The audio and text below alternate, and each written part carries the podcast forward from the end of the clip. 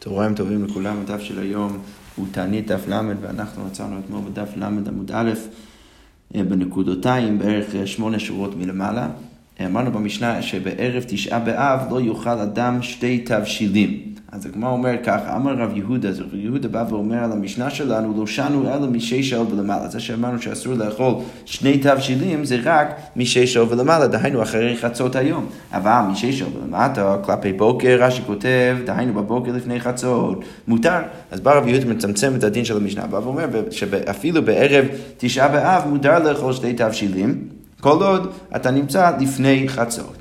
ואמר רב יהודה, עוד וריאציה של רב יהודה, לא שנו אלא בסעודה המפסיק. אז זה שאמרנו שאסור לאכול שתי סעודות, אה, שתי תבשילין, אה, אה, זה רק בסעודה המפסיק בה, אבל בסעודה שאינו מפסיק בה, אבל הסעודה שאינה הסעודה האחרונה לפני הצום, אז מותר, אז גם כן שם. מותר לאכול שני תבשילים. והגמרא אומר, ותרוויו לקולה. אה, ובעצם שני האמירות של רב יהודה הם לקולה.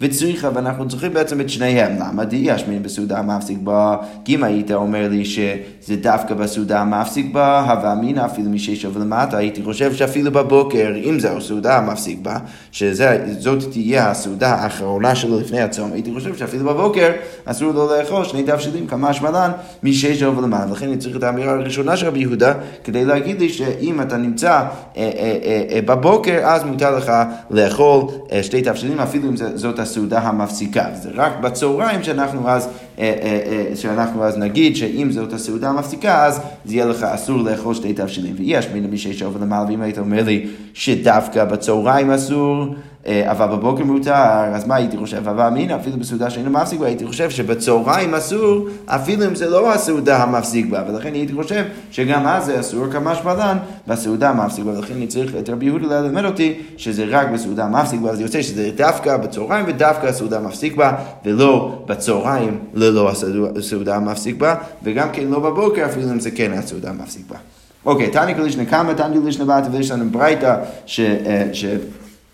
ש אה, ש, שנשמע או, או מנסחת את עצמה כמו לישנה קמא, וברייתא שמנסחת את עצמה כמו לישנה בתא. תנא כלישנה בתא, הברייתא כמו לישנה בתא, סועד ערב תשעה באב, אם עתיד לסעוד סעודה אחרת, מותר בשר ולשתות יין, כמו שאמרנו בווריאציה השנייה של רב יהודה, כן? אם אתה סועד אה, בערב תשעה באב, אם אתה עתיד לסעוד סעודה אחרת, אז מותר לאכול, אה, לאכול בשר ולשתות יין. ואם לאו, אסור לאכול בשר ולשתות יין. תניא כלישנה קמא, תניא כלישנה קמא.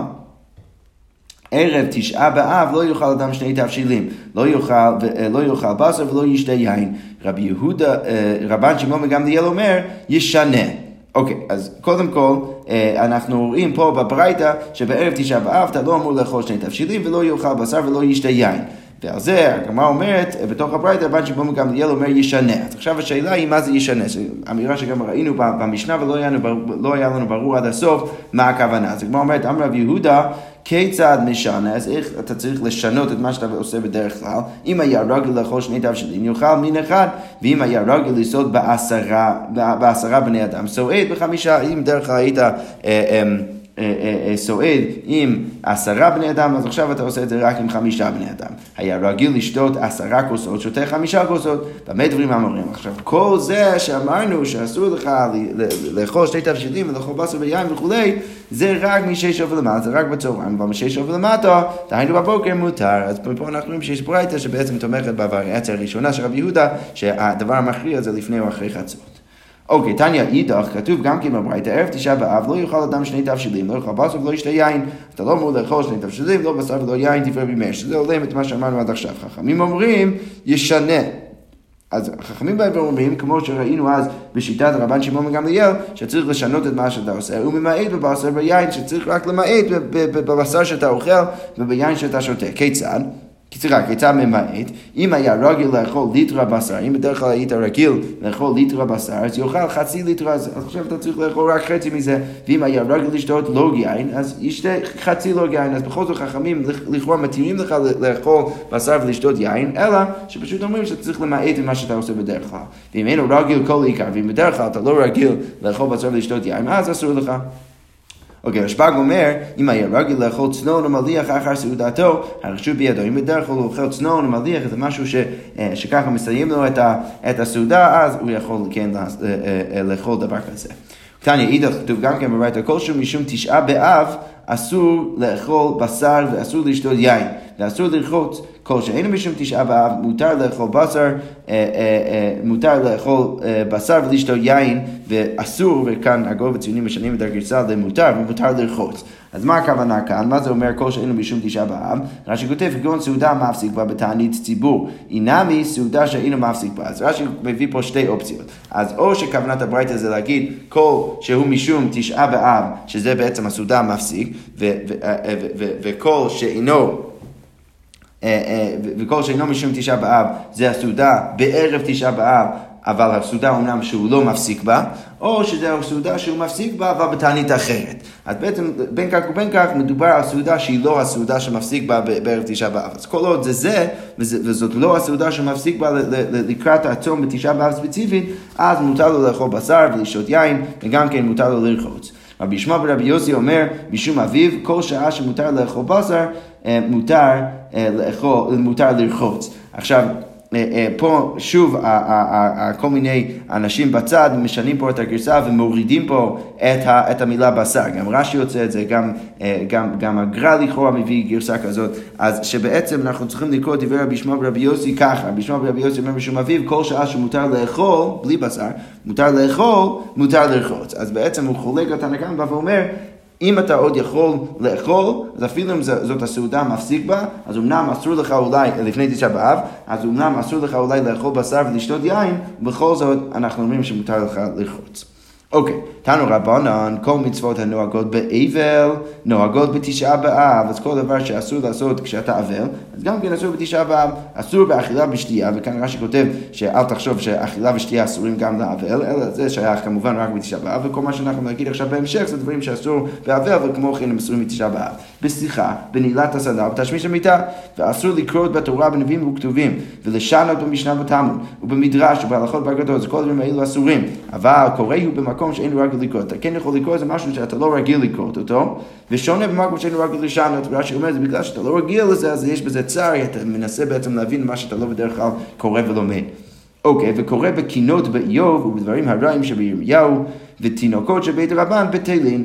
אז למה כל זה? משום שנאמר פיקודי השם ישר מסמכי לב. כי אנחנו רואים שה, שהתורה זה דבר שמשמח, ולכן אנחנו לא רוצים לשמור בתשעה באב, ולכן אנחנו עושים את כל הלימוד לעשות בתשעה באב. רבי יהודה אומר, אף אינו קורא במקום שאין לו רגל לקרוא, ואינו שונה במקום שאין לו רגל לשנות. אז לעומת הנקמה שבא ואמר שלפחות משהו שאתה לא בדרך כלל רגיל לקרוא אותו, אז זה מותר, רבי יהודה בא ואומר שגם זה אסור, אבל כל אלו באיוב וקינות ודברים הרעים שבירמיהו, ותינוקות של בית רבן בתלים, הם בתלים בו משום שנאמר פיקודי, הש... פיקודי השם ישרים מסמכי לב.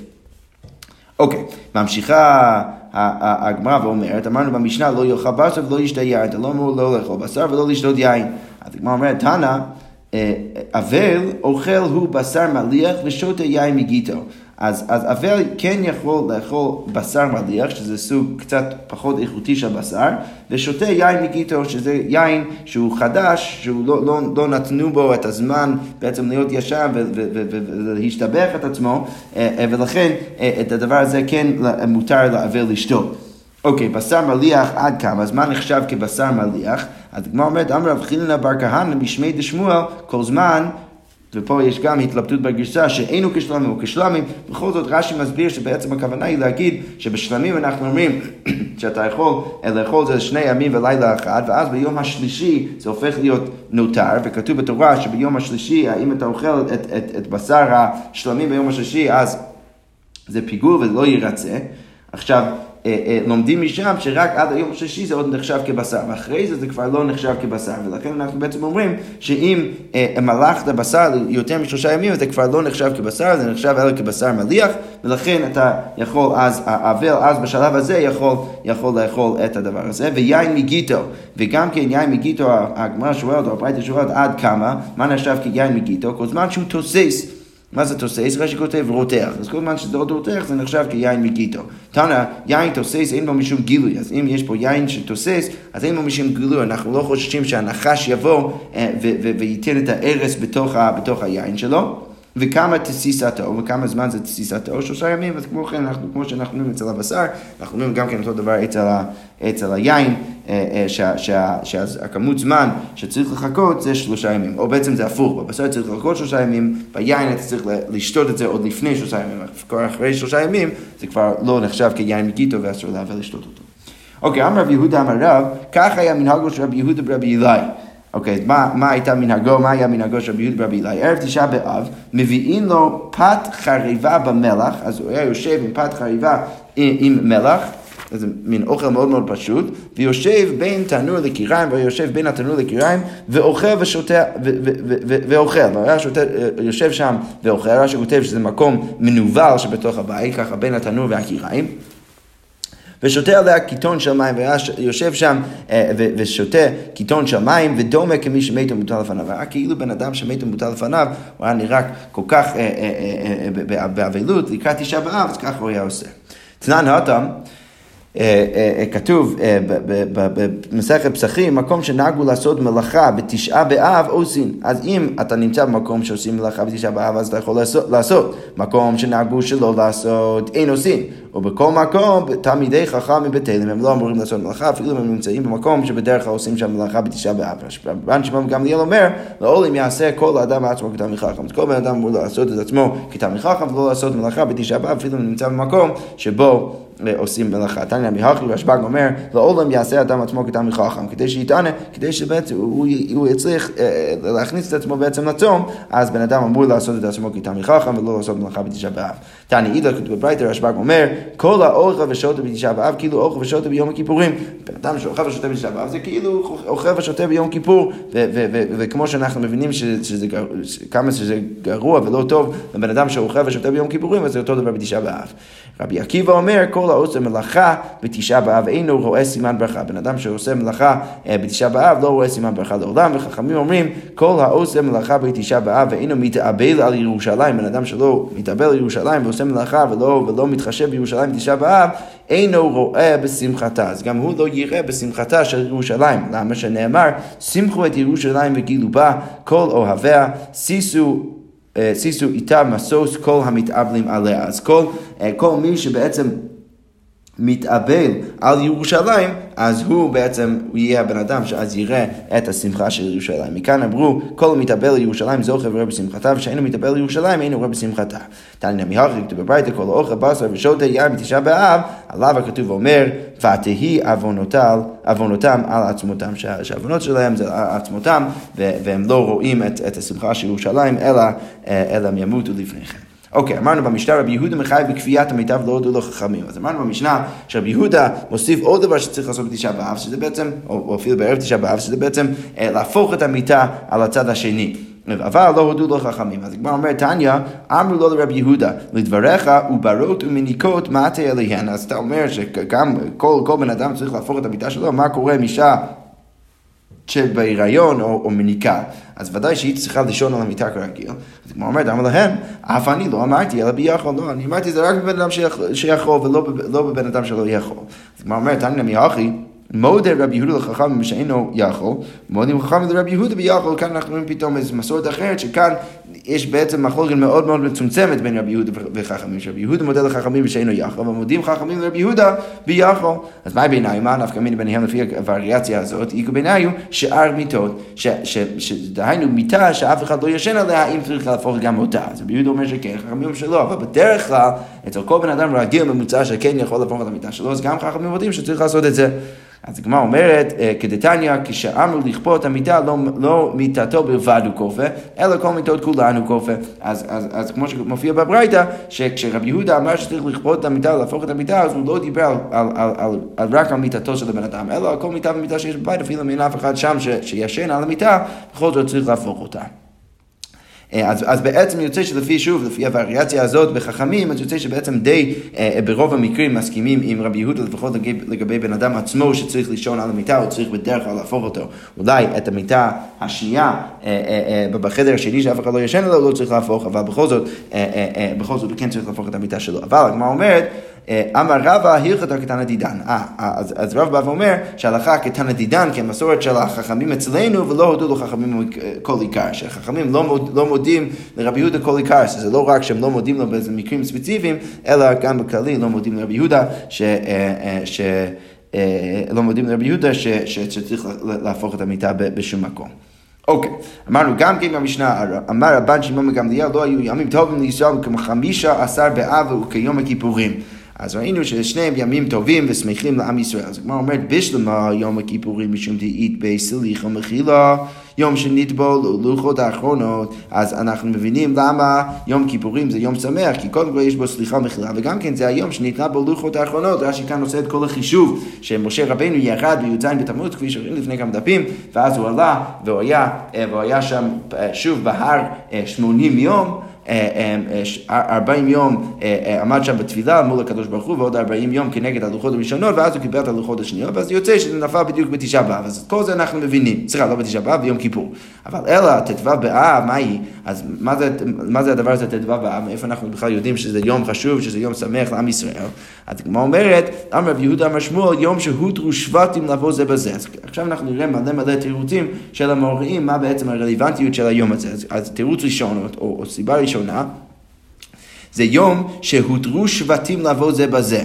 אז מה הכוונה? שהרי אה, אה, אצל בנות צלופחד כתוב שכל אישה שיורשת אז היא אמורה להתחתן רק עם מישהו מהשבט שלה. למה? כי אנחנו לא רוצים שהקרקע יעבור מהשבט שלה לשבט אחר. כי ברגע שהיא תתחתן עם מישהו אחר, אז היא כבר תהיה שייכת לשבט השני, והקרקע שלה גם כן, שהיא יורשת מאבא שלה, אז גם כן יעבור לשבט השני, ואת זה אנחנו לא רוצים. אז בעצם אסרו בתורה אה, שבמקרים האלו שהשבטים יתחתנו זה בזה, אבל עכשיו בט"ו באב הם התירו אותו, ולכן זה יום שמח לעם ישראל. מה דרוש? מה הדרשה שלהם? כתוב אצל בנות צלוחת, זה הדבר אשר ציווה השם לבנות צלופחד. אז מה אפשר לדייק מזה? דבר זה לא יהיה נוהג אלא בדור זה. שרש"י כותב שהדיוק כאן זה על מילה זה. דווקא עכשיו, בדור הזה, אז יש את האיסור הזה, ואחרי זה כבר אין. אוקיי, אמר רב יוסף, אמר רב נחמן, עוד תירוץ, מה, עוד, עוד נימוק, למה ט"ו באב זה יום רלוונטי, יום שהותר שבט בנימין לבוא בקהל, זה, זה אותו היום ש, שהותר אה, אה, אה, שבט בנימין שוב לבוא בקהל, ש, ש, שהשבטים אה, אז אמרו שאפשר שוב להתחתן עם אנשים מבני אה, בנימין, ש, שהיה איזשהו שלב שאסרו את הדבר הזה, שנאמר, ואיש ישראל נשבע במצפה לאמור, איש ממנו לא ייתן את ביתו לבנימין לאישה, שהם נשבעו כולם. שאף אחד, בספר שופטים, שאף אחד לא יתחתן עם מישהו משבט בנימין, ועכשיו הם התירו את הדבר הזה באותו היום, בט"ו אה, אה, באב. מה דרוש? אז מה הדרשה שלהם? אמר רב, ממנו ולא מבנינו, שכתוב דווקא ממנו, אז דווקא ממנו באותו הדור זה היה אסור, אבל מבנינו זה לא אסור, ולכן הם התירו דבר כזה, ולכן ט"ו באב זה יום שמח לעם ישראל. אוקיי, אמר רבי חנן אמר יוחנן, יום שכלו בו מתי מדבר. אז זה אותו היום שכלו בו מתי, המדבר. אמר מר, עד שלא כלו מתי מדבר, לא היה דיבור עם משה רבנו. אז עד שכל האנשים האלו שהיו אמורים למות במדבר ולא להיכנס לארץ, עד שהם מתו, אז לא היה דיבור עם משה רבנו. מאיפה אנחנו יודעים את זה? שנאמר, ויהי כאשר תמו כל אנשי המלחמה למות, למות, אז אחרי שכל אנשי המלחמה תמו למות, וידבר השם אליי, אז אליי היה הדיבור. אז הדרשה היא שדווקא אז היה הדיבור עם משה רבנו, אה, אה, אה, ולכן אם בגלל שהדבר הזה קרה בט"ו באב, אז אנחנו אומרים שזה בעצם יום שמח, שהאנשים האלו התחילו, תמו מלמות.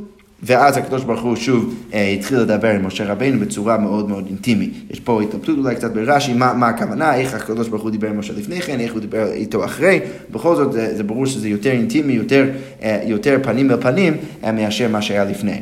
אני אקרא כאן מרש"י, שרש"י אומר מאיפה אנחנו יודעים בכלל אה, שט"ו באב זה היום שתמו המתים אה, במדבר, אז הוא מביא ברייתא מירושלמי מאוד מעניין, הוא כותב ככה, דתניא, כל ארבעים שנה שהיו במדבר, בכל ערב תשעה באב היה החרוז יוצא ואומר צאו לחפור והיה כל אחד ואחד יוצא וחופר לו קבר וישן בו. שמא ימות קודם שיחפור. אז, אז בתשעה באב כל אחד ואחד היה יוצא לשדה והיה חופר לעצמו איזשהו קבר בקרקע ואז הוא ישן בתוך הדבר הזה אה, ולחכות אולי הוא ימות בתשעה באב.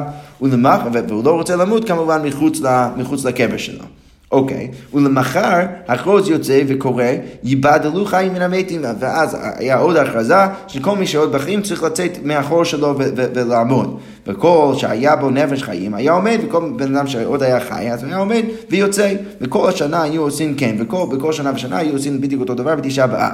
ובשנת הארבעים שנה עשו, אז הם עשו את זה גם כן בשנת הארבעים שנה. למחר עמדו כולם חיים, ואז פתאום הם אמרו שכולם חיים, אף אחד לא מת באותה שנה, או באותה שנה לפחות בתשעה באב. וכיוון שראו כך, וברגע שהם אמרו את זה, אז תמו ואמרו, שמא טעינו בחשבון החודש, אולי אנחנו טעינו בחשבון החודש, אולי זה לא, לא, לא היה היום הנכון. ולכן מה הם עשו? חזו ושכבו בכפריהן בלילות עד ליל חמישה עשר. אז הם חזרו לתוך... הקברות שלהם, שכל אחד ואחד חפר לעצמו, והם חיכו שם עד, עד חמישה עשר בו בחודש, וכיוון שראו שנתמלאה הלבנה בט"ו, ולא מת אחד מהם ידעו שחשבון חודש מכוון. אז, אז ברגע שהם ראו שפתאום הירך מלא, אז זה בעצם דרך לדעת שהם, שהם לא טעו בהכרח בחשבון, והם ראו שוב שאף אחד לא מת, אז הם הבינו ש, ש, שכל החשבונות שלהם היו נכונות, וכבר מ"ם שנה של גזירה נשמו, קבעו אותו הדור לאותו היום יום טוב. אז, אז בגלל זה הם הבינו שבאותו היום אנחנו בעצם אה, אה, אה, הפסקנו מלמות וכלו המ"ם, ה-40 שנה שהיינו צריכים, שהקדוש ברוך הוא גזר עלינו להיות במדבר, ועכשיו אנחנו מוכנים ומבושלים כבר להיכנס לארץ ישראל. אוקיי. ממשיכה הגמרא ואומרת עוד כמה נימוקים מה הרלוונטיות של של ט"ו באב, אז הגמרא אומרת, אולה אמר יום שביטל הושע בן אלה פירוז דיות שהושיב ירב בן נבט על דרכים שלא יעלו ישראל לרגל. כמו שראינו לפני כמה דפים, אה, אה, אה, ירב בן נבט העמיד כל מיני שומרים על הדרכים כדי שהם לא יעלו לרגל לירושלים, הוא רצה שאנשים יעלו, יעלו אצלו למלכות ישראל ולא, ולא לרגל לירושלים. אז, אז, אז באותו היום ביטל הושע בן אלה את הדבר הזה. ואמר לאיזו שירצו יעלו. הוא אומר שבעצם אף כל אחד יכול לעלות למקום ש, שהוא רוצה, או לבית המקדש או למקום של עבודת זרחה. ולכן בגלל זה הגמרא אומרת, רב מתנה אמר, יום שנתנו הלכו, אה סליחה, אה, זה לא, לא בגמרא, רש"י כותב, אל תחשוב שהושע היה איזה צדיק, הוא היה רשע, דכתיב, היה שרה בעיני השם, רק לא כמלכי ישראל, פשוט לא היה כמלכי ישראל, והיינו דכאמר רק שביטל את הפרוזדאות, אה, ואמר לאיזה שירצו יעלו. אז הוא כן נתן לאנשים להיכנס לירושלים, אבל בואו לא נחשוב שהוא היה איזה צדיק גדול, הוא בכל זאת עשה הרע בעיני השם, אבל הוא כן לפחות אה, הסיר את השומרים האלו של רם ונבע כדי להתיר לאנשים לעלות לירושלים, ודרך זה אנחנו רואים שבעצם ט"ו באב זה גם כן יום שמח. אוקיי. עוד נימוק, מה, מה הרלוונטיות של היום? רב מתנה אמר, יום שניתנו הרוגי ביתה לגבורה, זה, זה אותו היום ש, ש, שבעצם אה, אה, הם סוף סוף נתנו לישראלים לגבור את הרוגי ביתה. ואמר רב מתנה, אותו יום שנתנו הרוגי ביתה לגבורה, תקנו ביבנה הטוב והמיטיב. אז הם תקנו את, את ברכת הטוב והמיטיב, הטוב שלא הסריחו, זה טוב שלא נתנו עוד אה, לגופות של הרוגי ביתר להסריח, והמיטיב שנתנו לגבורה, שזה גם כן כמובן דבר טוב וחשוב לגוף של המת. אוקיי, רבא ורב יוסף דמי ג'ברו, יום שפסקו מלכרות עצים למערכה. זה אותו היום בקיץ שאנחנו פוסקים מלחתוך ולכרות את העצים למערכה. למה? כי כפי שנראה עוד שנייה, השמש כבר לא מספיק חזק אחרי ט"ו באב, ולכן אנחנו לא מניחים שה, שה, שהעצים הם מספיק יבשים כדי להביא אותם לבית המקדש, כי צריך לחשוב שאולי שיש לחות בהם, ואם יש לחות אולי אפשר למצוא בהם תולעים, ולכן כבר אי אפשר לכרות את העצים, להביא אותם למערכה, אלא עד ט"ו באב ולא אחרי זה. תניא רבי אליעזר הגדול אומר, מחמישה עשר באב ואילך, תשש כוחה של חמה. כמו שאמרנו, אז השמש כבר לא חזק כמו שהיא הייתה באמצע הקיץ, ולא היו כורתין עצים למערכה לפי שאינן יבשים, כי הם לא מספיק יבשים. הגמרא אומרת, אמר רב מנשיה וקרעי ליום יום תבר מגל, והם קוראים ליום הזה היום ששוברים את המגל, מה שכותב שבירת הגרזן, שפסק החוטים מלאכתו ועצים, כי מהיום הזה והלאה כבר לא, אה, אה, אה, לא חותכים וכורתים את העצים כמו שהיו עושים באמצע הקיץ, מביאים אותם לבית המקדש. אוקיי, מכאן ואילך, אז מה צריך בעצם לעשות? מחמישה עשר באב ואילך, רש"י כותב, דמוסיף לילות על הימים, שהלילה נהיה יותר ויותר ארוך, אז מה צריך לעשות? צריך לשבת ולעסוק בתורה. אז, אז, אז הגמרא אומר, מכאן ואילך, דמוסיף יוסיף, ההוא שמוסיף ולומד יותר תורה, אז יוסיף גם על החיים שלו, ודלא מוסיף יאסף, בן אדם שלא מוסיף, אז יאסף על עמיו, והוא ימות אה, אה, ולא לא, לא יצליח בעצם להאריך את, את ימיו. תני רב יוסף, מה יאסף? אמר רב יוסף, תגברי אימא. אז מה הכוונה יאסף? שהאימא שלו אה, תגבור אותו בזה שהוא לא מוסיף בלימוד שלו אחרי ט"ו באב. שכוייך.